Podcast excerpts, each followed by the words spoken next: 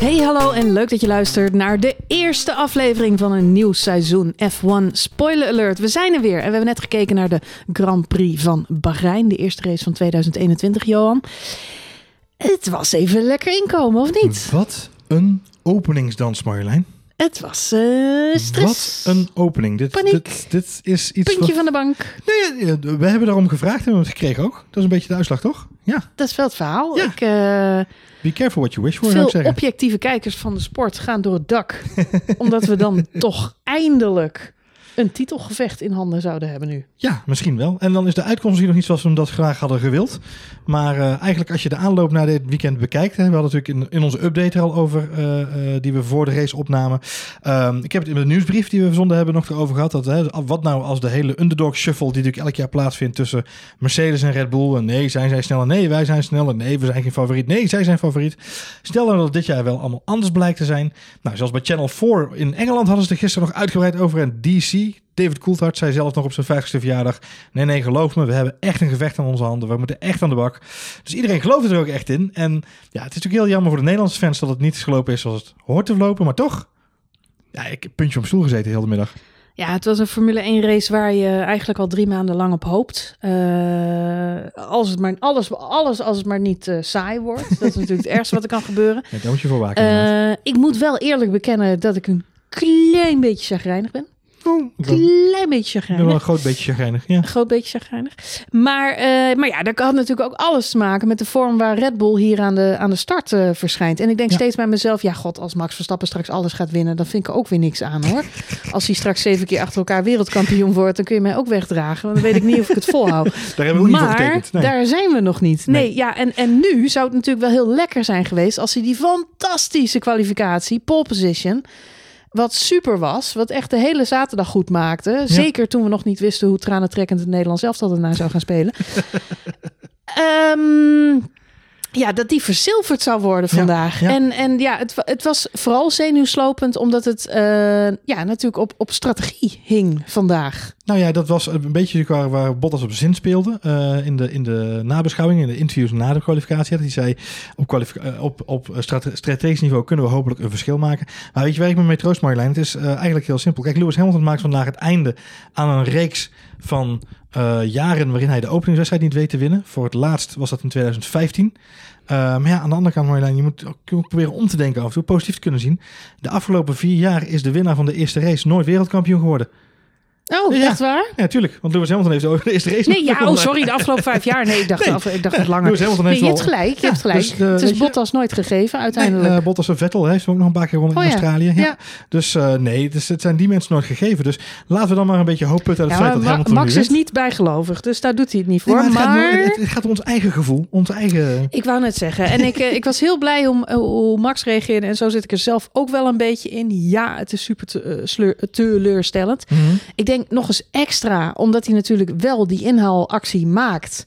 En we dan allemaal denken, dit is hem. Hij heeft ook nog gewoon vijf goede rondes om hem neer te zetten. Ik had Ja. flashbacks naar eh, de situatie eh, eh, 2018 eh, Oostenrijk met, Ja, eh, ja. met Leclerc. En, ehm, en ja, hij had gewoon eh, plenty of time. En, en ook naar vorig jaar natuurlijk. De situatie met, met, met ehm, Pierre Gasly op Monza. Mhm. En eh Sainz, die hem Ja. daar eh, in de staart zit. Ronde na ronde na ronde na ronde. En die het uiteindelijk niet weet te pakken. Eh, nou ja, daar zaten we hier ook naar te kijken. Maar je ziet hem dan wel die inhaalactie maken. Hij moest natuurlijk die plek teruggeven. Omdat hij daar een, het wel, een, ja, voordeel, voordeel uithaalt, ja. een voordeel haalt klopt. in die bocht. Daar is afge- na afloop van de race nog heel veel over gesproken. Ja. Eh, tegen de tijd dat deze podcast beluisterd wordt, is het al maandagochtend. Dan zal het hele, hele verhaal al wel behoorlijk uitgekoud zijn. Maar nog even heel in het kort. Bocht 4, daar, staan, daar waren track limits. Bij de kwalificatie werd daar heel streng op gecontroleerd. Je mocht dus geen voordeel halen door die bocht af te snijden. Maar veel coureurs hebben na afloop van de race verklaard, was onder andere op Formule 1 TV te zien, eh, dat ze in de ochtend te horen hadden gekregen dat ze eventueel wel tijdens de race die bocht mochten, mochten nemen. Ja. mochten afsnijden, mits ze daar maar geen eh, voordeel van haalde bij bijvoorbeeld een inhaalactie. Ja, het was inderdaad het uitlopen. Hè? Want het verhaal is een Ja. beetje omdat je hem daar laat uitlopen, de auto. Ja. Wijd laat uitlopen. Kun je eigenlijk veel- laten remmen. Precies, kun je en- ook heel ja. veel snelheid meenemen inderdaad, Precies. die bocht in. Eh, voor de mensen die hem ook wel eens in de game spelen, die weten dat ook. Hè? Dus je hem daar lekker wijd kunt laten gaan. Ehm, ja, t- tijdens de kwalificatie mocht dat natuurlijk absoluut niet. Tijdens de race eh, werd, was, zou er dan minder op gemonitord worden. Eh, Michael Massey is nog bij de journalist van de Telegraaf ook in de lucht gekomen. Heeft hem daar ook nog een keer uitgelegd. Eigenlijk hetzelfde wat jij nu zegt. Ze hebben een briefing gehad op vrijdag. Toen hebben ze besproken, jongens, er komt een track limit tijdens de kwalificatie. Dus let erop. Eh, tijdens de race willen we er minder streng in zijn, want we willen niet met allemaal vlaggen gaan lopen wapperen. Maar ja, nou bleek natuurlijk tijdens de race dat er wel degelijk een voordeel was. Eh, en daarnaast, en dat is de discussie die heel veel mensen hebben, is de situatie Hamilton-Verstappen was altijd al niet legaal geweest, want je mag niet inhalen buiten de baan. Weet je, je mag geen voordeel halen door de baan te verlaten en daar iemand in te halen. Dat, dat, hij moet altijd die plek teruggeven. Dus Nee, en dan kun je nog zeggen, hij was er al voorbij. Want Mhm, dat is op de ja. beelden natuurlijk duidelijk te zien. Hij nou, zit dat, echt dat al... was mijn frustratie ook. Ik zei, hij is er voorbij. Ja, hij is er voorbij. Eh, maar ja, het lullige is natuurlijk wel dat hij is er voorbij, mede omdat hij. Eh. Omdat hij hem daar Hmm. kan laten lopen. Ja. En had hij eh, zijn best gedaan om de auto binnen de track limits te halen, Mhm. dan, had, dan, had, ja, dan was hij eigenlijk gewoon uitgerend door Lewis Had Hamilton. Er zijn er ook nog mensen die zeggen: ja, maar Lewis Hamilton gaf hem daar geen autobreedte ruimte. Mhm. Ja, is ook wel een beetje zo. Maar ja, eh, het staat en valt. Uiteindelijk heeft hij voordeel. Hij heeft zijn inhaalactie. Hij, hij zit er inderdaad. eh, eh, hij zit met zijn achterbanden, zeg maar, bij Lewis' zijn voorbanden. Maar Ja. hij heeft voordeel omdat hij gewoon wijder kan Hij uitlopen op dat punt. Ja, had hij ja. dat niet gekund, had hij moeten terugsnijden, was hij die plek weer terug kwijt geweest. Dus vanuit een raceperspectief, ja, had hij hem, eh, had hij hem, eh, moest hij hem gewoon teruggeven. teruggeven, ja. Er zijn overigens wel coureurs. eh Fittipaldi die stond bij Formule 1 Ja, TV. ja. Die was het er niet mee eens. Die zei, nou ik vind het onzin. Want je kunt duidelijk zien dat Max er voorbij is. Welke van de Fittipaldi smurfen was dit? Ja, dat is Enzo die vorig jaar... Enzo? Nee, nee, Pietro. Pietro, sorry. precies. Het zijn er zoveel. Hebben we ook een Eh, Enzo? Ik ga even, Ja, er is ook een Enzo. Wacht even, ik pak even het Fittipaldi collectieboek erbij. Het smoelenboek. Ik spaar ze allemaal. Het smoelenboek van de Fittipaldis. Nee, maar ja, ik, ik snap hem wel. Want ehm, ja, het is wel het is frustrerend om te zien. Maar ik moet eerlijk bekennen, wij zagen de inhaalactie volgens mij eh, first person. Ja, Dus wij zaten aan boord bij Max op het moment van de inhaalactie. En ik zie hem daar van de baan gaan. En ik had wel ik had dezelfde blik in mijn ogen als Adrian Newey, die aan de pitmuur zat. Stokstijf. En me meteen realiserend, dit was niet clean. nee. nee, maar dat is eh, voor jouw beeldvorming, dat is Adrian Newey in zijn natuurlijke habitat. Ja, Die nou ja, zo, zat, zo Dus zat ik er ook wel bij. Want enerzijds dacht ik yes, en anderzijds dacht ik gelijk... nee, je zit de haak de Ja. oog aan, mag niet, moeilijk, lastig. It's gonna get back to us, ja. Ja, het lullig is, dan moet hij hem teruggeven. Ja. En eh, ja, het is ook wel fair square natuurlijk. Alleen Max zei zelf na afloop, ja, daarna heb je de banden niet meer. Nee. Ehm, natuurlijk had ik nieuwere banden. eh, dus op zich eh, kon, ik, kon ik wel nog wat uit de kast halen. Maar na zo'n inhaalactie ben je toch behoorlijk wat kwijt. Daarnaast had iedereen erg veel last van de wind. Mhm. Eh, ik wil niet zeggen dat dat de reden is dat Mazepin gelijk na twee bochten langs de kant stond. Eh, maar het werd wel voor, hè, door veel mensen voor hem opgenomen van er was echt heel veel wind. En Ja. ook nog eh, turbulentie van de andere auto's. Ja. Daar werd dit weekend toch ook wel weer veel over gesproken. Het is gewoon, je hebt heel veel dirty air. Ja. En dat is een term die ik weer heel veel langs heb horen komen in de interviews na afloop. Mhm. Inhalen is gewoon lastig. En dat in combinatie met die harde banden, die eigenlijk al best wel een end op waren. Je zag ook eigenlijk dat niemand meer van die softs over had aan het eind van de wedstrijd. Klopt inderdaad. Dat dan nog voor spannende situaties kunnen zorgen als er wel nog mensen met softs waren geweest. Iedereen zat natuurlijk te hopen. En dat was ook een beetje mijn, eh, ja, mijn, mijn hoop eigenlijk. Dat Max, aan het, omdat hij zo laat die pitstops maakte, Ja. dat hij dan als een duveltje uit een doosje met, met die softs eh, aan zou Aan komen zetten. kunnen, Ja. Eh, ook al wisten we dat, we die, dat hij die niet meer had. ja. Maar ja, eh, voor mijn part eh, gebruikte softs. je weet maar nooit Nee. bij Red Bull. Maar ja, dat was dus niet het geval. Als hij, hij was uiteindelijk hij was een stuk sneller dan Hamilton. Maar Ja. eigenlijk was hij niet, niet snel Niet snel genoeg. genoeg. Nee, nou, de langste stint, ik zat even te kijken. de, de, het gestel op de achtergrond was mijn, mijn papiertje wat ik opschoof. Mhm. Ik zit even te kijken naar de langste stint op de soft. Het waren 15 rondjes. En eh, Verstappen ging natuurlijk in ronde 39 pitten. Eh Lewis Hamilton was eh 10 rondjes daarvoor naar binnen gaan. Ronde 28, dus 11 rondjes daarvoor om precies te zijn. Ehm, eh, wat, even terug naar het begin. Bottas zei inderdaad al, wij hebben meer hardbanden na de kwalificatie. Daar gaf hij al een klein hintje weg. Volgens mij hebben wij meer verse hardbandjes liggen. En dat zie je ook terug in de strategie die Mercedes heeft uitgerold vandaag. Want die zijn gewoon twee keer naar de hard gegaan. Eén keer naar een hele korte stint bij Hamilton. Al naar eh 15 rondjes. Gelijk weer naar binnen en een nieuw setje hards eronder. Dat deden ze om een, een stop van Verstappen op te vangen. Eh, en daarna hebben ze hem kunnen uitrijden vanaf ronde 28 tot het eind. Ehm, terwijl ze bij eh, Verstappen zijn ze van gebruikte mediums naar nieuwe mediums gegaan. Naar een rondje hards. Ehm, wat, wat interessant is daaraan, is dat uh, Verstappen op dat moment, toen hij naar binnen ging, ja, toen moest hij echt naar binnen. Omdat het gat tussen Verstappen en Hamilton, dat was 20 seconden na die tweede stop van uh, uh, Hamilton. Max had daar 20 seconden, had dus niet genoeg om hem te coveren. Maar daarna kwam Hamilton ook nog eens razendsnel teruggereden. Tot 13, 14 seconden. Ja, en toen wist Max ook van, ik moet nu naar binnen om te zorgen dat ik uh, in ieder geval mijn eigen gat niet te groot laat oplopen als ik er weer uitkom. Dus dat is precies het, het nadeel wat hij had eigenlijk met die pitstopstrategie vandaag. En ja, misschien is dat ook wel het puntje waar we misschien wel het meest de bal hebben laten vallen vandaag. Als ik met we Red Bull mag aanwijzen in het geval. Dat is een strategisch gebied.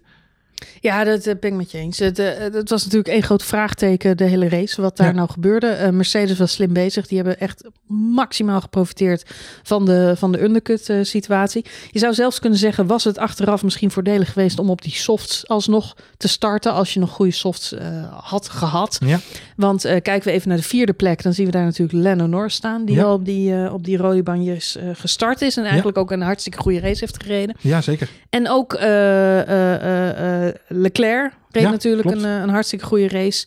Uh, Ricciardo zat op die rode band. Uh, Sainz zat op die rode band. Lance Stroll zat ook op die rode band. Ja. Dus uh, ja, in de top 10. Het was zeker niet een... Na we zeggen wel eens in deze podcast... soms kan het een voordeel zijn om ergens tussen plek 11 en 15 te starten... en dan Ja. maar wel die eigen vrije bandenkeuze te hebben. Klopt. Maar in dit geval hebben de softe coureurs toch wel uh, En die hebben er geprofiteerd. best wel, een profit- eh, best wel voordeel van gehad inderdaad. Ja. En zeker inderdaad Lando Norris, die gewoon vanaf plek 7 naar plek 4 is gereden uiteindelijk. Hartstikke goede prestatie. Uh, maar wel hele korte stints op die banden. Ik zit even te kijken in het overzicht inderdaad. Maar de langste stint is inderdaad 15 banden. Dat is, dat is Carlos Sainz in de Ferrari. Uh, en daaronder staat Latifi, uh, die de, met de Williams nou ook niet echt maximaal uit zijn band haalt, denk ik. Nee, maar het is Ehm, vergelijkbaar met de stints die iedereen op de gele band heeft gedaan. Ja, ja dus klopt. uh, ik geloof niet dat ze heel veel nadeel... Ja, ik ben met je eens. Je zou toch bij Red Bull... Het lijkt er een beetje op alsof ze bij Red Bull te voorzichtig zijn geweest dit weekend. En enerzijds, ik, ben, ik ben een groot voorstander van... hou vast aan je gekozen strategie. Mm -hmm. Laat je niet uit de tent lokken door, door Mercedes... Mercedes. Nee. Met uh, die undercuts en, en ga als een gek reageren. Hou gewoon vast aan, uh, aan wat je aan het doen bent. Ja. Maar aan de andere kant, het was een plan wat niet echt uh, fantastisch Nee. goed uitpakte. En daar komt dan nog bij die bocht 4, waar we het net over hadden. Mm -hmm. Lewis Hamilton heeft die bocht dus wel ronde na ronde na ronde afgesneden. Klopt. Pakte daar ook elke ronde gewoon voordeel mee. Het Ja. zal uh, niet veel zijn geweest, misschien één of twee tiende. Maar ja, als je dat over 29 keer doet. Ja. als je dat 29 keer doet, ja, dan heb je toch een behoorlijk voordeel aan het eind van de Ja. race te pakken. En Max heeft dat niet gedaan. Kijk, wat ik wel strak vind, dat is dat. Uh, uh, een van de toffere acties, dat is dat Max op een gegeven moment tijdens de race van zijn team te horen krijgt: hey, je mag die box gaan, bo bocht gaan afsnijden. Want Lewis en, uh, en, uh, en Bottas, ja, die precies. doen het Ja. ook. Dus ga hem maar afsnijden. Ja. En dat, weet je waarom ik het grappig vond? Omdat ik, ik vond het eigenlijk een soort technical directive tijdens de race. we, we weten allemaal hoe Ferrari twee jaar geleden uh, erbij is gelapt. Omdat de teams eigenlijk zeiden... hey, wij willen een heel innovatief dingetje in de, in, de, in de motor gaan bouwen... Waarbij we extra benzine toevoer. Mag dat? Waarop de FIA dan moet zeggen... nee, dat mag absoluut niet. En het feit dat ze dat mogen, moeten zeggen, betekent dat dat vanaf dat moment automatisch verboden is voor Ja. alle teams om dat te doen. En vanaf dat moment was die Ferrari natuurlijk Ja, het haasje. shit. Uh, niet, niet zo bedoeld, maar ze waren wel het haasje. Ja. Nee, ze waren wel shit. Ja. En dat is eigenlijk precies hetzelfde wat Red Bull in deze Grand Prix ook deed. Ze gaven eigenlijk die technical... hey, ga die bocht maar afsnijden, joh. Want de rest doet het ook. Dus uh, ga maar gewoon doen. En niet veel lang daarna, het was echt een paar rondjes of zo... kreeg je ineens te horen... of kreeg Mercedes te horen, kreeg Lewis te horen... je mag die bocht niet meer afsnijden. Nee, klopt. Want anders krijg je inderdaad een, uh, een waarschuwingsslag. Ach, je, uh, en het, het lullig is een beetje dat wij als fans dat allemaal op de radio gehoord hebben. En daardoor ontstaat er nu toch wel weer discussie En verwarring, ja. en verwarring over hoe een wedstrijd, Ja, wedstrijdleiding maar het is, het is het invloed heeft op zo'n race. Het grote probleem, we hebben dit weekend bij de Formule 2 ook gezien. Hè. Er was een heel nieuw format bij Formule 2. Daar ga ik, ga ik niet over uitweiden, want dat is een hele podcast op zichzelf. Maar dat was een heel nieuw format bij F2. Ehm daar was al een hele hoop onduidelijkheid. Eh, daarnaast zag je gewoon dat er, er gebeurde een heleboel op de baan. En er waren track limits, et cetera, et cetera. Er werden er allerlei straffen uitgedeeld en nog weer teruggetrokken. En het grootste probleem van, van stewarding, van de sportjureren in dit geval, want dat is eigenlijk wat het is, is dat het een... eh, het, moet, het moet duidelijk zijn voor iedereen. Als je dat niet hebt, ja, dan heb je een probleem. Dan heb je verwarring. En dat geldt hier eigenlijk hetzelfde weer. Je hebt, je hebt gewoon het probleem dat je, ehm, eh, als je van het begin af aan duidelijk maakt, er is daar een track limit, dan mag je niet overheen. Is het voor iedereen duidelijk, wordt er rekening mee gehouden, zijn er waarschuwingsvlaggen, krijgen mensen eh, penalties als nodig is, et cetera. En volgens mij zei Will Buxton het ook op Twitter achteraf eh, vanavond. Uh, je kunt niet uh, halverwege de race besluiten. om het dan toch weer om te draaien. Ja, En dat is de grootste, dat grootste is, probleem. dat is. En dat is een valkuil waar ze bij de, bij de FIA of bij, in dit geval bij de stewards elke keer weer intrappen. Het is elke keer weer net een fractie anders dan het daarvoor was. Of net weer een kleine uitzondering op de regel die we dachten dat we die snapten. Is dan toch weer een uitzondering op. En dat maakt het gewoon heel erg ja, vermoeiend voor, voor de ja, kijkers. eens. Wat deze race wel heel erg duidelijk heeft gemaakt. We hebben natuurlijk in het verleden heel vaak die discussie gehad met Max Verstappen. Een paar keer van het podium getrokken. Ja, zat ja, niemand ook meer. Onder andere toen in Amerika. Mhm. Daar moest iedereen natuurlijk gelijk weer aan denken. Dat willen we allemaal absoluut niet. Max zegt zelf had dat maar wel gedaan. Want eh, dat is altijd beter dan dit. Dat weet ik nog zo net niet. Want daar weg worden getrokken of de verkeerde beker krijgen. Dat, ja, dat is voor, voor niemand fijn. leuk. Maar... ehm, maar eh, er is toen veel discussie geweest over, en we zeiden net ook al, de situatie met Leclerc en Max Verstappen toen in, eh, in Oostenrijk. ja. Zelfde discussie van wat mag er nou wel, wat mag er nou niet. Als Max zijn plek daar wordt afgepakt, eh, zijn overwinning daar wordt afgepakt, dan, dan verklaar je eigenlijk Formule 1 dood. Mhm. Dat, is een, dat is een kantelpunt geweest in de sport, die specifieke race. En eh, voor ons is lange tijd onduidelijk geweest, oké, wat is er dan veranderd? Ja. Precies, weet je wel, waar let kun, je, them... kun, je duiden. Ja. Let them race Ja. is dan nu ineens het credo. Maar dat is een soort vaag begrip waarvan we niet weten wat het is. Maar is deze fil- Het race, is filosofie, ja. Ja, ja, nou, ik moet altijd aan Leclerc denken, die toen na afloop van die race 2019 was het, dat hij na afloop van die race zei, nou, ik weet in elk geval nu wat er mogelijk is. Ja, precies. Eh, en dat er veel meer ruimte is dan ik dacht. Ehm, maar eh, trouwens, die ruimte neemt hij nog steeds. Want dat zagen we vandaag ook Ja. weer. In elk Ja, gevecht wat eh, Leclerc aangaat, maakt hij, zich, maakt hij zich breed. Het is echt een van de lastigste coureurs om, om in te halen. Zeker. Zeker om, om het daar heel huids vanaf te brengen. Ja. Ehm, maar wat betekent het nou? Dat werd deze race eigenlijk een beetje duidelijk. Want we, we hebben dus eigenlijk twee situaties gehad. eh, waarin je kon merken dat de wedstrijdleiding gewoon één op één, real time, in contact staat met teams. Mhm. Ze luisteren dus mee op, eh, op de boordradio, Mhm. wat logisch is. Maar ik, vroeger was de, de reactie was niet zo instant. Je Mhm. merkt dat ze nu meteen werk maken. Ze laten er geen gras over groeien. Ze proberen Nee. zo snel mogelijk te reageren. Ja. Voorbeeld 1, de situatie met Max Stappen, die te horen krijgt... hey, je mag die bocht gaan afsnijden. Binnen een paar minuten krijgt Lewis Hamilton te horen... hij mag die bocht niet meer afsnijden. Anders krijgt hij een zwart-wit geblokte vlag. Mhm, mhm. Het was ook niet een lichte mededeling. Het was het gewoon meteen, dan krijg je waarschuwing en Ja. de volgende keer heb je penalty. Ehm, tweede situatie is het verhaal met Max Verstappen. Max Verstappen die haalt daar die plek in. We Ja. zitten nog twee rondjes in de wedstrijd. Het is rete spannend. Maar hij krijgt instantly, hij krijgt nog, nog echt twee bochten later... krijgt hij al te horen van zijn team, je moet hem teruggeven. Ja. Want dat is ons verteld door de wedstrijdleiding. Met andere woorden, er is nu echt een real-time connectie met Denk jij, wedstrijdleiding. denk jij dat dat een, eh, echt een connectie was die real-time was? Of denk jij dat dat een call is geweest van Adrian Newey of een andere persoon op de... Ah, Nieuwe heeft, niet, Nee, Nieuwe niet heeft Newey- niks, Newey heeft niks met strategie te maken. dat bedoel ik niet, maar, Maar- ik bedoel meer van iemand in de... Jij, we hadden het over Newey vandaar dat hij in mijn hoofd zet, maar ik bedoel meer te zeggen, is het iemand geweest op de pitwall van Red Bull die gezegd heeft, jongens, we hebben nog die briefing gehad, we hebben vrijdag die briefing gehad, we moeten die plek teruggeven, anders krijgen we dadelijk een penalty en als die hoger is dan x seconden, hebben we een probleem.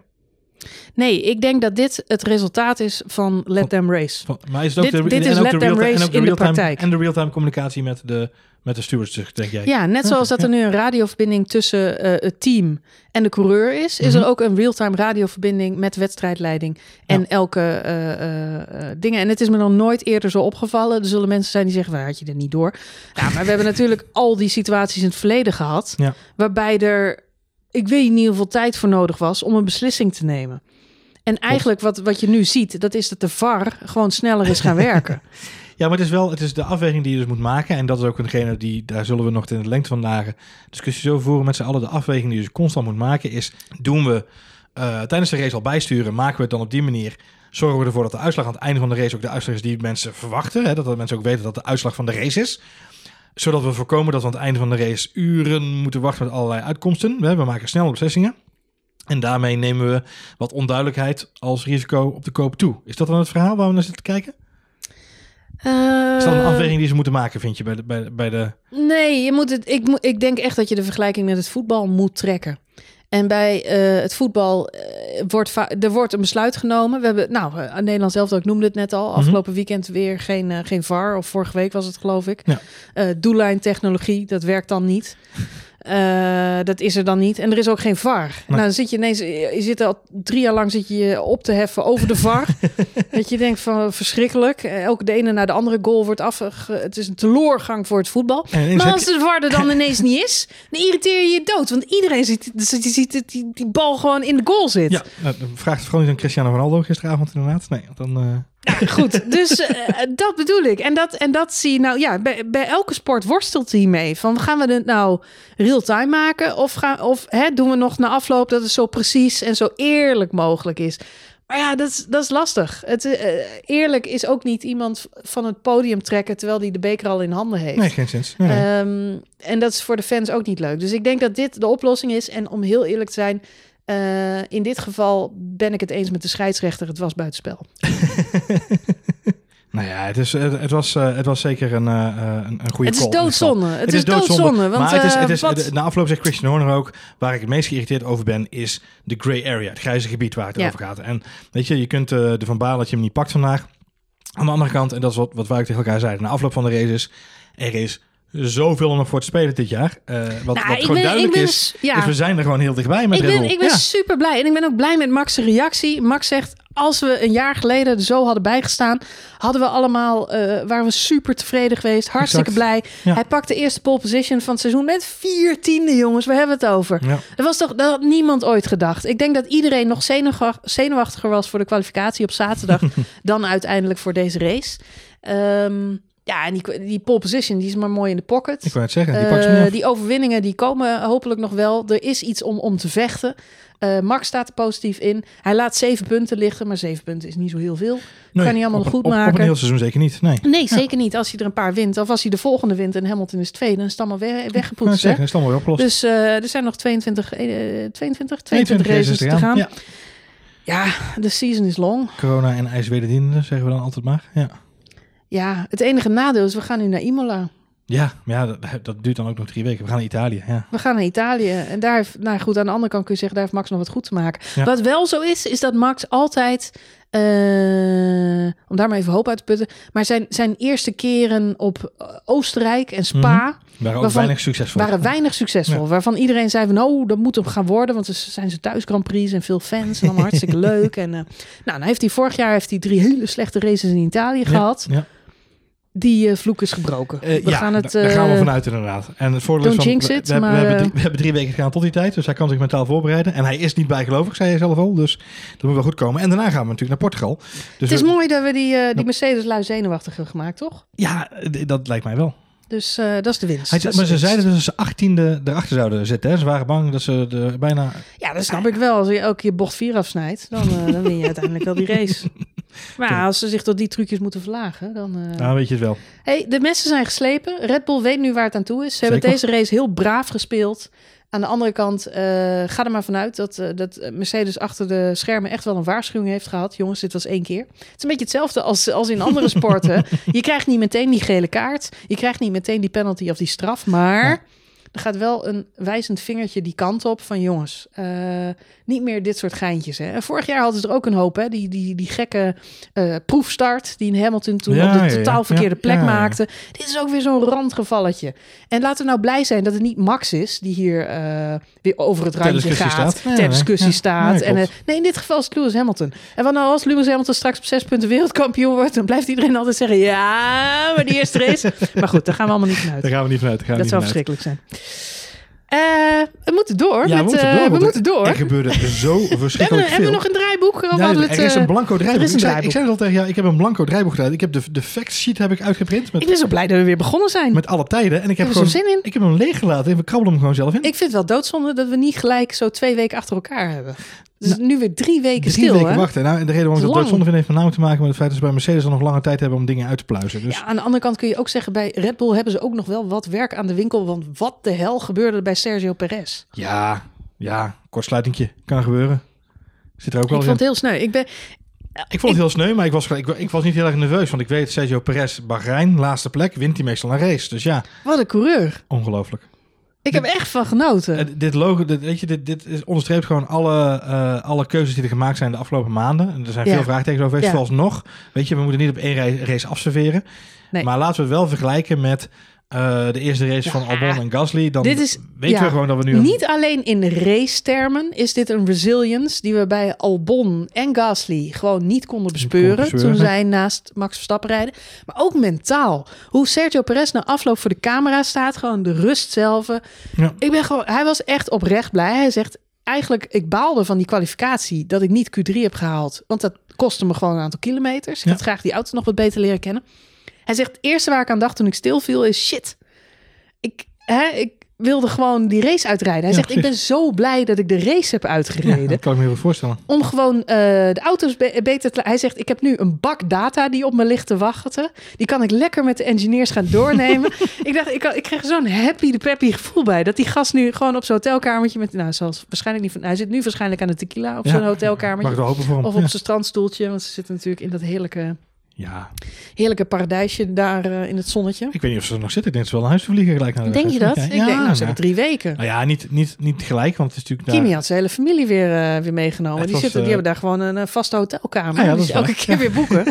Gewoon lekker op het strandje elke dag. De, de, de, de, het, doek, de, de geblokte vlag viel om eh, tien over half acht, lokale tijd. S'avonds. Dus ik neem aan dat ze nog wel even Ik terug zijn gaan naar het hotelletje. allemaal lekker cocktailtje op het strand. Beach party. Beach party met de boys. Op de tijdstip. Nou ja, waarom ook niet jongens. Laten we het Ja, gewoon het doen. is nog steeds Nee, maar, corona, weet je, hè, het- dus ik, eh, ik weet... Dan mag Ik, ze zullen ook best corona hebben daar aan de bar inderdaad. Ja. Iedereen is ingeënt daar, toch? Grotendeels wel ja, maar niet iedereen volgens mij. En in de paddock sowieso niet iedereen hebben we gemerkt. Nee? Want deze week waren er nog twee positieve coronagevallen bij Aston Martin. Dus Dat is ook wel onduidelijk. Ja. Zo, dat is wel ja, er gebeuren wel wat dingetjes. aan. Maar goed, nee, Maar goed, nee, ja, Perez, Sergio Perez, eh, inhoudrace. man- weet je? Ja, maar is gewoon- fantastische inhaalrace. eh hartstikke goed resultaat. Hij wordt uiteindelijk vijfde, wat gewoon super knap is als je laatste start. Ja. Dat is ook het eerste wat ik dacht toen hij achteraan kwam te, te, te rijden. Zo, ja, maak geen, geen snars uit. Nee, vorig voor hem jaar won hij Ja. nog. Nee, daarom. Dus de laatste plek. gewoon. Als ja. iemand het kan, dan kan hij het. en eh, laten we niet vergeten dat Seb Vettel in ongeveer dezelfde uitgangspositie zat. Ja, Die moest ook van de, vanaf de twintigste plek komen. Maar ja, die heeft het nog niet teruggevonden. Nee, die is nog steeds aan het zoeken naar zijn mojo. En ik denk dat hij hem onder zijn pet verstopt heeft. Dat hij hem daarom niet kan vinden. Ik weet ik ben heel bang voor Seb Vettel. Ik begin steeds Mm. meer eh, het gevoel bij Seb Vettel te krijgen van eh, Jacques Villeneuve. Mm. Jacques Villeneuve was, die is natuurlijk maar één keer wereldkampioen geweest. En eh Seb vier keer. Maar, maar Jacques, Jacques was ook zo'n eh, zo'n rookie, zo'n talent. En eh, iedereen eh, moest wat van hem. En met die baggy trousers. Hij had zo'n veel te groot... overal had hij altijd aan. Dat was een coole dude in de jaren negentig. Met van die blonde spikes. ja, hij was helemaal skaterboy. Ja, skaterboy was hij Ik eigenlijk denk wel. dat Vettel nooit echt een coole dude is geweest. Maar dat scheelt dan gelukkig. Nee, nee, is een ander verhaal. Maar het was wel... eh, Vettel was ook de rookie. Ja, dat is waar. De, de, de, de up-and-coming kid, waar dan heel veel van verwacht werd en die dan heel groot zou worden. En uiteindelijk, de, de carrière van Jacques Villeneuve, die is echt met een sisser afgelopen. Ja. Dat is allemaal, en dat was zoveel ja, gedoe altijd rondom eh, Jacques Villeneuve. En, en nu, nu, nu kennen we hem allemaal nog als, als Spuit 11, die af en toe nog iets te melden heeft over een van deze coureurs, maar niemand neemt het echt serieus. Ja, het is toch, ik, vind dat, ik vind altijd wel sneu dat, eh, Ja, dat soort mensen. Ja. Nou, eh, niet eens zozeer hun, karakter, want het zijn natuurlijk hele verschillende types. Maar wel dat, dat iemand die zoiets moois gepresteerd heeft in de sport, die ook zo op een voetstuk Mhm. werd gehesen als zijnde, nou, dat is echt een, eh, een talent en, en, en fantastisch. Ja. ja en, en, en eh, uiteindelijk is er alleen maar eh, ja, commotie ja, je en kunt je, vervelende je situaties. kunt je gewoon heel erg afvragen. En dat, eh, hier hebben we het vaak over gehad over Sebastian Vettel. En dat is, je, moet, je moet je gewoon heel erg afvragen. Je, Vettel heeft nu een, een meerjaren contract bij Aston Martin. En ehm, voor dit jaar zou het een moeilijk jaar gaan worden, hadden ze al een beetje gedacht daar. Eh, hoe ze dat dan zelf invullen, weet ik niet. Maar ik denk dat Aston Martin en, en Mercedes, eh, allemaal, we hebben het in de even gehad over de, de hoogte van de auto's. Hè, dat de auto's wat, wat hoger zijn bij Red Bull en Alfa Tauri. De hoge rake, zoals dat zo mooi heet, voor alle echte tech-nerds. je kunt er eh, echt onderdoor. eh, Bij, bij Alfa Tauri en, en, en Red Bull ligt hij echt hoog hè, aan de achterkant. Dat is een beetje een soort zo'n wedge, wedge waar je tegenaan kijkt. Terwijl Aston Martin en Mercedes en alle andere auto's een vrij lagere, vlakkere auto hebben. Ik denk dat Aston Martin daar net als Mercedes best wel wat last van heeft onderaan de streep eh, in, in pure snelheid. Ehm, en dan heb je gewoon het feit, en waar ik me al langer zorgen over maak, en wat ik vaak heb uitgesproken, is: ik heb het idee dat deze hele lichting auto's, deze hele specificatie die er nu ligt, deze hele generatie die we nu aan het rijden zijn, die liggen Vettel gewoon niet. Uh, of het nou de, de breedte van de auto's is, of de downforce die ze hebben, of de, de instabiliteit aan de achterkant, of de, de grootte van de banden, of de profielmaat. Ja, ik weet het niet. Maar de kleur ja. ligt in ieder geval niet aan. Dat kunnen we vaststellen. nee, dat maakt niet zo heel veel verschil. Kijk, wat, wat jammer, ik ben wel met je eens. En bij Vettel speelde trouwens ook het verhaal van uh, waar we het net over hadden. Die, die, die luchtdruk en het feit dat je als je achter, achter een andere auto zit, dat je daar gewoon last van hebt. Ja. Um, maar ja, aan de andere kant, de situatie met Ocon Um, het, is gewoon, het is gewoon een rijdersfout. Nou ja, ik het moet, is gewoon ik erom lachen, want jij nog twee rondes daarvoor zei je nog. Volgens mij was het... Uh, er schoot iemand rechtdoor uh, in een bocht. Ik weet niet meer wie het was, maar het was bij, in, in, in volgens mij bocht 1 waar iemand zich verremde. En waarbij je zei van ja, dat is hier bij Vettel wel vaker gebeuren. Die mist nog wel regelmatig zijn bocht. Op ik zei, nou hopelijk zal het dit jaar een beetje meevallen. Hij heeft wat meer grip met de auto. En prompt twee rondes later verremt hij zich volledig. En zit hij inderdaad achter tegen Ocon aan. Het was ook niet de eerste keer. Je ziet, je ziet Vettel gewoon ontzettend vaak zijn, zijn rempunt missen. Of een lock-up. Ik heb, of, ik, zodra eh, Vettel in beeld komt, heb ik de gif met de smokescreen al klaarstaan voor Twitter. Ja, het is altijd Het is gewoon, smokescreen. je, je, de kans is vrij groot dat hij een eh, rookschermpje opengooit. Smoky sip. Ja, smoky sip. Ja, het, weet je, het is, het is wel het, heel is, het vervelend. is niet zo dat dat, eh, dat het volgens mij iets met zijn leeftijd te maken heeft. Ik ben wel met je eens. Ik denk dat het echt met deze generatie auto's. Laten we dan hopen als volgend jaar wel die nieuwe auto's komen met, met meer downforce, kleiner, wendbaarder. Dat het wat meer bij Sepp ligt. Dat ja. het beter bij hem past en dat hij toch nog een comeback kan gaan maken. Want ja, het, het is mogelijk. Dat zien we aan eh, Fernando Alonso en Kimi Räikkönen. Ja, en met name, kijk, ik heb het opgeschreven ook. We zagen op een gegeven moment een hele mooie battle tussen, tussen zeven die wereldtitels. kwam er ook nog, die Ja. kwam er achteraan. eh, eh, Alonso. Dat was een battle. Het was inderdaad een battle om P10, maar het was een battle tussen Vettel, Alonso en Räikkönen om P10. En eh, eh, eh, eh, een klein brugje naar Alonso. Het zijn de Maar momenten dat ik mezelf in de arm knijp. Dat ik echt denk, waar zit ik naar te kijken? Wow. Barabbas, waar is de teletijdmachine? Dit is toch zo vet? Maar even, misschien een le- leuk, een heel klein zijsprongetje naar eh, Alonso, die dan helaas uitvalt uiteindelijk. Eh, wat natuurlijk heel erg jammer is. Eh, hij moet hem in ronde 32 langs de kant zetten vanwege Mm. remproblemen. Ehm, maar hij wel, alles wat ik in de voorbeschouwing zei over het problemen van, van Alpine, heeft hij wel even gelogen straf vandaag. Hij heeft wel gezegd, joh, luister, ook al hebben we issues, hebben we niet de snelste auto. Want ik denk dat Ocon laat zien waar die auto ongeveer echt terecht hoort, zeg maar. Eh, waar die hoort, die auto. Even los van de spin met Vettel reed Ocon altijd daar al een beetje zo tussen P10 en P15 in. Eh, het was een beetje stuivertje wisselen voor Ocon, maar echt eh, hoog in de, in de ranking hadden we hem al niet verwacht. En ik denk dat, dat Ocon een reflectie is van waar die auto echt ongeveer staat. En dat Alonso met ervaring en inderdaad ja, racecraft toch weer dingen doet waarvan je denkt, hoe krijg je het voor elkaar? Want ik zit even te kijken naar zijn snelste rondetijden, want het is een 1.36 eh 0, eh, dus 1.36 laag, terwijl eh, de top 15 eh reed allemaal 1.35'ers. eh, als snelste rondes. Dus Alonso op de een of andere manier weet hij toch zichzelf daartussen in te racen. In die top 10, eh, lange tijd. Want hij heeft gewoon heel lang, vanaf tussen, tussen P8 en P12 gereden. Wat echt wel een hele prestatie was. En dat had ik niet verwacht, moet ik eerlijk zeggen, van, van Alonso. Nee, hij komt goed terug. Ja. Het is niet... Deze eerste race, laten we dat vooropstellen. Ja. Ja, maar ja, dan nog. Het is wel een beetje je visitekaartje wat je afgeeft. en laten we wel wezen, er zijn winnaars en verliezers eh, eh, vandaag. Er zijn een paar mensen die echt een visitekaartje afgeven. Hallo, ik ben er nog. Alonso is er één van, maar Kimi Räikkönen ook. Ja. Start 14e, wordt uiteindelijk 11e. Net geen punt. Ik had Nee, hem zo dat ene inderdaad. puntje gegund, want hij ging hartstikke goed. Ik moet zeggen, Giovinazzi vind ik ook echt eh, stappen maken. Ja. Eh, eindelijk, mag, je- mag je wel zeggen. Maar eh komt misschien ook wel een beetje door Drive to Survive. Ik, to- ik vond het toch wel echt een hele, hele vriendelijke, leuke jongen. Ja. Dus ehm, en volgens mij hebben Rijko en Giovinazzi kunnen ze het ook wel goed met elkaar vinden. Ja. Ik ben blij dat, die, dat dat team nu toch wel een stap te hebben, lijkt te hebben gemaakt. Overigens kun je hetzelfde natuurlijk zeggen voor Ferrari eh, met dezelfde motor. Dus die hebben toch iets gewonnen. ten opzichte van vorig jaar. Leclerc was ook erg tevreden na afloop. Hij zegt: Dit is niet wat we van tevoren verwacht hadden. Dus dat we überhaupt om top 10 plekken mogen strijden, is gewoon, eh, is gewoon hartstikke goed. Absoluut waar. Dus, eh, dus eh, nee, maar Alfa Romeo is ook gewoon hartstikke top.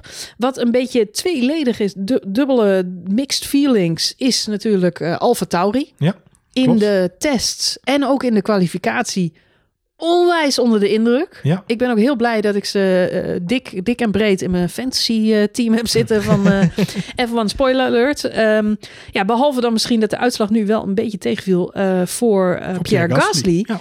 Die natuurlijk een hele noodlottige race had. Reed zijn vleu- vleugelstuk. En ik heb hem na afloop niet in interviews eh, gehoord. Nee, maar ik ga er, in. Ja. ja. maar ik ga ervan uit dat hij flink de balen heeft. En dat hij ook behoorlijke schade aan zijn vloer had. Of, of elders. En hij kon gewoon geen potten meer breken Hij reed tegen de achterkant van Norris aan en vervolgens reed hij over zijn eigen vleugel heen, die dan via de voorkant van zijn auto eh eh, wegschoof, zeg maar even. Dus ik ben bang inderdaad dat hij daar met zat zijn gewoon geen vloer, eh, snelheid meer in. Dus, behoorlijk eh, kapot gereden heeft. Nee, dat zijn, zijn, En hij lag natuurlijk ook behoorlijk verschrikkelijk. Eh, overigens reed hij uiteindelijk nog wel in eh, ronde 48 eh, een hele keurige 1.34er. Dus hij Oh. heeft nog wel erg snelheid gevonden gedurende de race.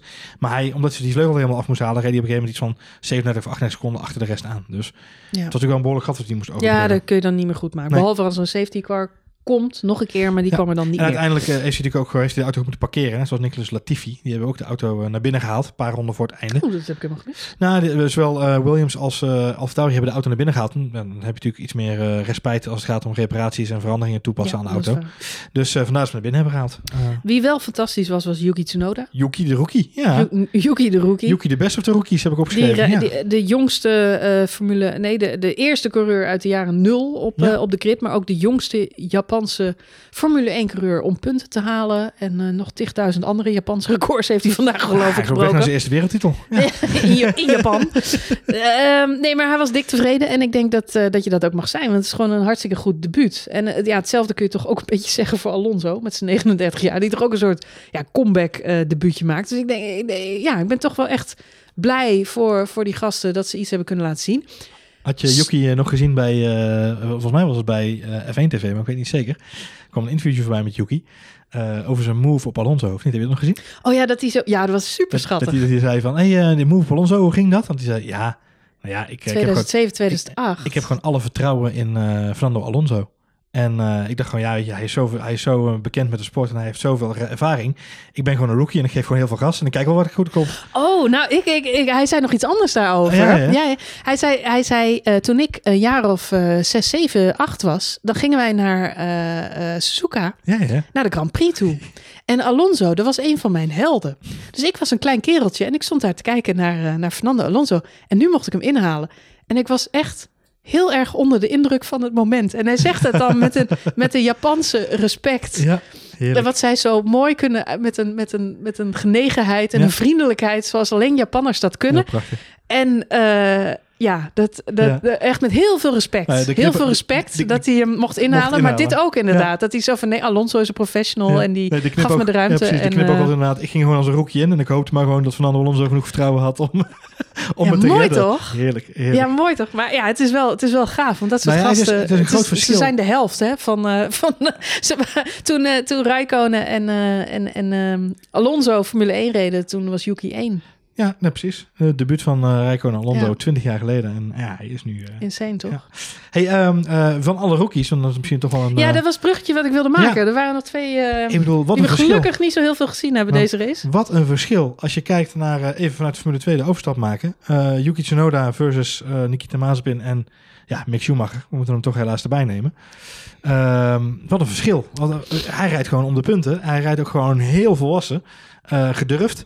Ehm, en ja, dat kun je van Mazepin ook zeggen. Als je gedurfd zou willen omschrijven als dwaas. Maar dat is een ander verhaal. Ja, het is gewoon een, eh, ja, het was een stomme fout. Aan de andere kant heeft hij zelf ook toegegeven. Hij heeft in elk interview gezegd, het was mijn eigen stomme fout. Ja. En zoals we net al zeiden, waren ook een aantal ervaren coureurs, waaronder Robert Doornbos in de studio, die het eh, voor de beide Haas-coureurs eh, opnamen. En zeiden, luister, eh, een auto zoals de Haas. En Ja. laten we wel wezen, het is echt by far de slechtste auto op de grid dit jaar. Want Ja. er is niks verbeterd aan het kreng. De Williamsen, die zijn, eh, die zijn nog sterker. Dat zagen we trouwens ook tijdens de race. Ehm, dus ja, het is al lastig om zo'n auto op de baan eh, te houden. Eh, Pietro Fittipaldi, die zei bij Formule 1 TV, hij zegt... Dit zijn ook jongens die hebben nog nooit een start meegemaakt in de Formule 1. Nee. Bij de start van een Formule 1 race, hij zegt, dan komt er zoveel turbulentie en, en, en, en eh, suction, zeg maar, Ja, eh, ja. krachten Ja. vrij, waar je dan ook weer eh, je auto op moet in bedwang houden. Eh, en dat is best lastig. Dus ik vond het heel lief dat hij dat zei. Ja, maar aan de andere kant, Pietro Fittipaldi zit natuurlijk ook bij, Bij Haas. Ja. Dus hij neemt het daar gewoon voor beide teamgenoten Ja, op die het lastig Als hadden. kunnen onderuit had hij een plekje gekregen voor zichzelf misschien Nou wel. ja, en ik dacht bij mezelf, ja, maar jij hield hem wel op de baan, lieve Fittipaldi. Dus het, ja, het, het kan wel, blijkbaar, het kan in zo'n crapbak. En En, en start met alle meegemaakt. turbulentie. En het is wel mogelijk. Nee, ik ben vooralsnog niet onder de indruk van de beide Haas-coureurs. Ze hebben Nee. nog heel wat goed te Nou maken ja, bij kijk. Mick Schumacher, eh, waar waar we het wel vaak over gehad hebben, ik denk dat Mick Schumacher gewoon een heel moeilijk eerste jaar tegemoet gaat. Maar dat heeft hij altijd in elke competitie waar hij gereden heeft. Is zijn eerste jaar gewoon één grote leerschool. Eh, en helaas zit hij dan nu ook nog eens een keer eh, in Zijn in vader de- viel ook uit in de eerste Klopt. ronde, begreep Ja, ik. Ja, goed. Eh, Dus het kan allemaal nog goed het kan allemaal komen. goed komen. Maar hij zit wel bij de moeilijkste leerschool van allemaal. En Ja. als je nou het vergelijk moet maken met bijvoorbeeld George Russell, die bij Williams ook in een plek kwam waar het dan misschien allemaal niet zo heel erg goed geregeld was. In de zin van ze hadden geen topauto, ze strijden niet om de, om de punten in het kampioenschap. Maar het voordeel van bij Williams rijden is wel dat je in een geconcentreerd, in een slim, in een ervaren Formule 1 team terechtkomt. Waar ze weten eh, eh, eh, hoe, hoe het wereldje werkt. Zeker toen, toen de familie Williams er zelf nog bij betrokken was. Dus het voordeel van George Russell is altijd geweest. Hij komt in een redelijk enigszins gespreid bedje. In de zin van qua ervaring en hoe, hoe, de, hoe de paardje lopen, et cetera. Voor eh, Schumacher en voor Mazepin geldt allebei. Ze komen bij een team wat onder enorme druk staat. Want nieuwe geldschieter is papa Mazepin. Dus die wil prestaties zien. En de andere geldschieter Ja. is Gene Haas. En die Ja. wil gewoon... Je kunt alles van de wereld zeggen, maar volgens mij hebben we in de voorbeschouwing gezegd dat de beide coureurs van Haas maar één opdracht hebben in de eerste tien races van dit seizoen. proberen uit te rijden. Ja, Proberen uit te rijden. Dat is waar. Dat is precies hetgene wat ze... Eentje niet gelukt is vandaag. Nee. eentje niet gelukt is. 50%. En die, ja, die andere die, eh, die weet dan toch ook niet uit de problemen te blijven. Hij wordt uiteindelijk zestiende. Ja. Omdat er vier auto's uitvallen. Ja.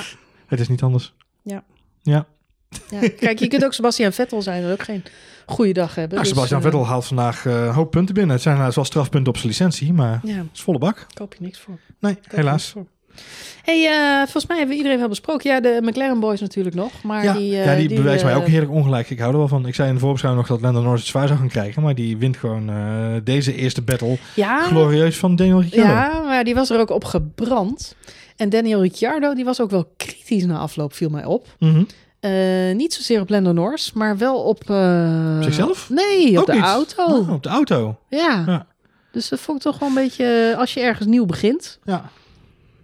Eh, terwijl ik dacht, eh, nou, hij heeft toch helemaal geen slechte race gereden waar hij over te klagen heeft. Nee, dat lijkt mij ook niet. Alleen hij wordt afgetroefd door zijn teamgenoot. Het ov- overigens echt een snoeistrakke battle was in de openingsrondes van de race. Ja, Om die twee McLaren's naast Zeker. elkaar wheel to wheel van bocht naar bocht naar bocht te zien gaan. Eh, maar Lando Norris is daar uiteindelijk wel de, de, degene die hem, de voorpakket. Ja. ja, die hem laat staan. En vervolgens ook het gevecht met Leclerc aangaan. Natuurlijk, Leclerc zit er lekker Norris bij. Lando Norris was het hele weekend gewoon hartstikke snel. En het grappige was, ik zei eh, in donderdag in onze voorbeschouwing nog van... Ja, ik, misschien dat Lando Norris wel met extra druk op zijn schouders begint nu. En dat zou wel eens te veel kunnen zijn onderaan de streep. Maar ja, dan zie je al vanaf de vrijdagtraining... zie je al dat hij daar best wel goed mee omgaat. En in de kwalificatie was hij ook hartstikke snel. Uiteindelijk kwalificeert ehm eh, Daniel Ricciardo dan nog wel net voor hem, plekje. Ja. Eh, maar weet, weet hij dan in de race toch gewoon Ricciardo achter hem te houden. Eh, en pakt hij een hele verdienstelijke vierde plek. Dus nee, echt super goed gedaan eh, van McLaren. En Ja, het is gewoon goed. stap, ik ja. denk dat er zijn, oh, ja, nou, ik, ik vind wel dat je nu, een, ja, het is een beetje de battle van wie is nummer 1 en wie is nummer 2 van het team. Ja. Er gaan al stemmen op dat we niet alleen tussen Hamilton en Verstappen een hele spannende titelstrijd tegemoet gaan, maar dat het ook heel spannend wordt tussen Bottas en Perez om de tweede, oh, sorry, derde en vierde plek ja, eh, in het kampioenschap. ja, dat zou zomaar kunnen. Dus Kijk, eh, wat, ik, wat ik me nog realiseerde... alsof het daarmee meteen een uitgemaakte zaak is dat dat de nummers twee zijn, maar ik denk dat dat na deze race wel een uitgemaakte zaak is. Ja, ja. Alhoewel bij Perez kun je het nooit Perez zeggen. hè? weet je nooit zeggen, want Perez legt zich niet zomaar ergens bij neer, denk ik. Maar wat, wat ik me wel, Bottas ge- ook niet, maar eh, die komt er echt niet aan te pas. Ja, wat ik me wel We realiseerde... hebben geen Bottas 4.0 gezien. Ik weet Valt- niet hoeveel versies we inmiddels verder zijn, maar de nieuwe versie is dit jaar niet uitgekomen. Het Valtteri is Bottas een beetje eindigt, een Apple iPhone die maar niet komt. Valtteri Bottas eindigt 40 Wordt elke seconden achter zijn teamgenoot. Eh, en dan krijgt hij de 23 van mij cadeau van kon nog, pitstop die hij hij kon gemaakt nog heeft. een extra pitstop maken voor de snelste ronde. Hij zit een beetje in dat lullige bootje waar Max Verstappen vorig jaar in zat. Nou ja, dat wilde ik net een beetje gaan zeggen. Is wat grappig is van de race van vandaag, wat ik me net ineens realiseerde toen we er een beetje over zaten te sparren, is ehm, vorig jaar hadden we heel veel respect voor Max Verstappen. Die liet zien dat hij ehm, eh, boven de auto uitperformde. Dat hij eigenlijk eh, meer deed dan de auto aankon, feitelijk. Dat hij de auto uitperformde, zeiden we dan zo mooi. En ik denk dat we vandaag gezien hebben hoe Lewis Hamilton dat deed. Lewis Hamilton heeft vandaag de Mercedes outperformed. En uh, dit laat alleen maar zien hoe goed die twee coureurs zijn. Max Verstappen en, en Lewis Hamilton, die zijn in staat om beter te presteren dan hun hardware. En daardoor een race te winnen op 17e van, van elkaar. Mhm. Uh, Valtteri Bottas is dat niet. En die eindigt gewoon in principe 15 seconden, 20 seconden achter Max Verstappen. Uh, uh, hij pakt een extra pitstop, dus hij kan op 37. Nou, vooruit krijgt hij van mij 20 cadeau. Eindigt hij uh, 17, 15, 17 seconden achter Max Verstappen. Dus die was er gewoon niet bij vandaag. En, en datzelfde geldt misschien wel voor Perez, maar die moet helemaal van achteraan komen. En zelfs die komt nog dichterbij. Dus als Perez wel vanaf P11 was begonnen, of hè, laten we hopen in, in, uh, op Imola over twee, drie weken, dat hij dan uh, uh, vanaf P4 of P3 kan, kan starten, ja, dan wordt het wel game on. En dan denk ik dat het voor Bottas echt heel zwaar gaat worden. Want ik heb Bottas veel hoger klagen dit weekend over van alles en nog wat. Ja, ik, ik weet het niet. Ik had zelf het gevoel dat Bottas zich nu wel een beetje schikt in die, in die plek 2. Ja, hij zal wel moeten. Ja, hij zal ook wel moeten. Nee, maar het, ja... Nou ja, goed. Ik, ik weet ook niet hoe dat... Hij heeft natuurlijk ook een uh, vriendin die ook topsporter is, maar Ja. ook geen uh, wereldkampioen of iets dergelijks. Het is een talentvolle wielrenster. Hm. Uh, maar ja, ik weet niet wat dat met elkaar doet. Als je elke ochtend lekker met z'n tweetjes aan het ontbijtje zit en dan, ja, hoe was bij jou het werk? Ja, ja, half bakken. Weer, ja. weer derde. Was, Was bij jou het werk? werk? Ja, ook weer derde. Ja. Ik weet niet of dat elkaar dan een beetje... ja, het houdt er moeten wel in. of dat elkaar een beetje in Als balans je, houdt. als je het zo omschrijft, Marjolein, dan houdt het er moeten wel lekker in, inderdaad. Ja. Ja. Ja, nee, maar ja, als- ik zou toch, als ik een vriendin had die, die alles won wat er te winnen valt, eh, dan, zou, dan zou ik daar misschien wel een beetje extra door getriggerd zijn om ook wat beter mijn best te doen. Snap Hm. ik je wat ik Ik bedoel? ga nu niet een search doen naar alle vriendinnen van alle Het geldt, ook anders, het geldt ook andersom hoor. Het geldt ook voor haar. Oké. Ik bedoel, als, als Valtteri is wat, wat de wereldkampioen Formule 1 zou zijn, dan zou zij misschien ook een beetje harder doortrappen. Ik zal graag geen search doen nu naar alle vriendinnen van alle coureurs. Ik bedoel maar- dat je in relatie moet je elkaar een beetje oppeppen. Mhm. Snap je? Ja, ik zit even te kijken, maar... Ja, Nee? Ja, Oké, moeilijk, lastig. moeilijk. Er moet toch een balans zijn? Ja, maar ik zit even te kijken. Max Verstappen, Kelly Piquet. Ja. Ja. hoe dat elkaar dan ophebt. en, wil ik, en wil ik dat weten? Nee, Eigenlijk niet. Laten we gewoon lekker naar Imola gaan, Marjolein. Ja, laten we naar Imola gaan. We hebben nog even te gaan voordat het zover is. 18 april pas gaan we eh, richting het Italiaanse land. Ja. Laten we hopen dat Max Verstappen daar een betere race rijdt. Daarna gaan we direct door naar eh, Portugal. eh 2 mei, Ja. dus direct door, twee weken later. En dan Spanje. Dan hebben we het Europese seizoen eh, is echt afgetrapt met Ja. eh, Portugal, Spanje, Monaco. Waar ik vooral benieuwd naar ben, is of de, eh, de mensen die in een nieuwe auto zitten dit seizoen hun draai dan een beetje gevonden hebben. Ja. Ja, dat- Eh, ik hoop- want voor sommigen gold dat echt. Alonso die reed echt Ocon eruit vandaag. Ja. Wat echt tof is om te zien natuurlijk. Ehm, maar er zijn er ook een paar die moeten... Nou ja, eh, Lando Norris, die reed natuurlijk zijn nieuwe eh, teamgenoot Ricciardo eruit, wat Ja. jij al zei. Ehm, Leclerc was deze race echt stukken beter dan, dan Sainz. Alhoewel Ja. Sainz natuurlijk ook de wel goed starten hoor. wel ja. goed starten, goed erbij zat Goed en eigenlijk ja, niet echt onderdoet. Met een achtste Nee, plek. Nee, geen zes. En achtste, fraai, je mag echt niet klagen. Wat ik voor mezelf een beetje heb genoteerd is eh, ehm, eh, Portugal als een benchmark. We hebben twee races Mhm, gehad. We hebben mhm. twee echte volledige raceweekenden erop zitten. Portugal is ook een hele snelle baan. Dat is echt het achtbaantje. Ik weet niet of Ja. ik kan herinneren van, eh, van vorig jaar. Zeker. Met al zijn ups en zijn downs. Ehm, maar ik denk dat Portugal echt een benchmark gaat zijn. Ehm, en, en ik hou daar ook wel een beetje mijn hart vast voor de minder ervaren coureurs, hoe die dat gaan ervaren. Maar ja, ik hoop dat dat een beetje de. Dat, dat daar dan. Weet je, volgende, eh, volgende race op Imola, dat is toch weer eh, We zijn op alweer drie weken verder. Ze hebben natuurlijk geen races of trainingen tussendoor. Dus dan moeten ze daar weer even de, de mojo terug zien te vinden. En dan zou toch in Portugal zou de boel wel moeten gaan rijden. Ja, en dan gaan we eh, via Spanje naar Monaco. En dan, daar, daar hou ik mijn hart wel vast met sommige coureurs nu op de crit. Maar goed, dat zien we dan wel weer. Ja, ik ben heel benieuwd. Is iedereen in Monaco al ingeënt eigenlijk? Vast wel. Ja? Ja, vier klein- keer al waarschijnlijk. Zo'n klein dorp. En belastingvrij. Staat gewoon iemand bij de, bij de receptie van het hotel. Kan Ja, iedereen is- gewoon het hele hotel in één keer Wilt u een, eh, een eh, mimosa en een, en een vaccin. en een vaccin? ja. Nou, lekker. Het een mimosa? Nee, het ding ook weer? Ja, toch? Ja. Ik heb geen idee. Champagne idee. met... eh met eh, Wat zou de vaccinatiegraad... We gaan de vaccinatiegraad in Monaco, Monte Carlo, Ik opzoeken. zet hem in het volgende rijboek. Ja, graag. Ik zal, ik zal vanaf nu... In een, Ik wil in- graag de actuele ik vaccinatiegraad van van, elk race. land. Ja. Kan dat erbij? Ja, precies. Ik zal We in, hebben al heel veel data en statistiekjes voor ons liggen, Ja. lieve luisteraars. Ja. Waar ik mijn eh podcastorganisator naast mij heel bijzonder dankbaar voor ben. Ja. Maar meer statistiek, altijd leuk. Meer Alles leuk, data. Meer data. Ik schaar me bij Perez. Oké. Gewoon lekker nog meer data om samen met mijn engineer straks te analyseren. De volgende vo- spoiler alert wordt mede mogelijk gemaakt door eh, Data. 30 gigabyte aan data. Toppie, toppie. hey, eh, we gaan hem afronden. Eh, de Grand Prix van Bahrein, hij mocht er zijn. Ik vond het een eh, heerlijke race, ondanks dat eh, ja, de uitkomst net even de andere kant had op mogen vallen voor Ja. ons eh, Nederlandse fans. Eh, was het toch genoeg om, eh, om blij over te zijn. We zitten dicht bij de Mercedes'en. Met we bedoel ik dan eh, Red Bull. Maar ook het middenveld is gewoon ontzettend spannend. Echt weer een, lekkere hussel. Ik ben super blij dat de Alfa Tauri's gewoon mee kunnen doen. Hopelijk straks ook een podia. McLaren, Ferrari. Ja, het is echt spannend. Ja, het wordt een spannend, eh, Het wordt spannend, een spannend seizoen. Spannend seizoen. De toon is gezet, De Marjolein. toon is De gezet. openingsdans zit erop. We gaan op naar de rest van het bal. Ah, kijk ernaar uit. Nou goed, drie weekjes wachten. Maar tussendoor komen we vast nog even langs met een eh, update. Ja, natuurlijk. En natuurlijk ook weer een voorbeschouwing voordat de volgende race er is. Zeker. Mocht je nou eh, mee willen doen met ons Formule 1 fantasy spel. Yes. Ik heb nog niet gekeken hoeveel punten ik heb gescoord. Maar volgens mij zat ik best lekker. Ik had in elk geval de pole position goed voorspeld. Ja, maar daar hield het ons een beetje op. Nee, eh, Helemaal P, niet. P, eh, P14 stond je volgens Ik mij. had als de winnaar helaas niet goed voorspeld. had. Nee, dat hadden we een heleboel mensen niet, denk ik. Dat eh, hebben- zat hem in bocht 4 vandaag. We hebben één, één, deelnemer, ons, Snelste ronde had ik ook niet goed. we hebben één deelnemer in ons voorspelspel. Die staat nu 37ste over de hele wereld. Echt waar? Dus die, die eh, duim omhoog. En hopelijk houdt hij had dat hij vol. zoveel goed? Die had zoveel goed. Die, had ook in, die staat ook ruim bovenaan in onze, in onze Wauw. league natuurlijk. Maar eh, die staat eh, nu 37ste op de wereldlijst. Dus Dat is nou ja, knap. hopelijk blijft hij daar ook staan. Zou een goede prestatie zijn. Nee, ik zag jou op eh, P14 staan. Ik sta zelf op P10. Ja, dat is nog niet zo En best. daartussenin eh, gebeurt er een hoop. Ja. Nou, kun je nog wisselen? Ik had ook geen geld om nog... Ik wilde Ja, allemaal je dingen, mag, kon eh, allemaal niet. je mag eh, dus sowieso 15 keer geloof ik eh, wisselen. Moet je Hmm. natuurlijk wel weer verkopen en terugkopen, om het zo maar even te zeggen. Mhm, mhm. En volgens mij is er ook een, vanaf tot aan race 2 kun je volgens mij nog onbeperkt wisselen. Ah. Dus tot aan de tweede race. Dus dan moet je volgens mij wel redelijk set zijn. Maar Nou, vraag leuk. me niet om alle regels, want eh, Michael, de Michael Masi van deze Fantasy GP game, ja, die staat ergens op het internet. Moet je even googlen bij Fantasy GP. Oké. Eh, waar moeten de mensen zijn als ze zich willen aanmelden? Ze kunnen naar fantasygp.com. Eh, daar kunnen zij zich gewoon aanmelden, je accountje aanmaken. En dan kunnen ze in onze Telegram-app of op Twitter kunnen ze de, de leak-code opzoeken. Je moet een code invullen. ja, En dan word je automatisch lid van onze leak. En ik zal die code gelijk bij deze podcast nog een keertje meedelen. Hartstikke goed. In Mooi. de show notes. De show notes. Show notes. De show hartstikke notes. goed. Hartstikke goed. Eh, Telegram-app, daar zijn we ook op te vinden. Daar Zeker. is levendige discussie altijd tijdens de vrije trainingen, kwalificaties en eh, tijdens de race.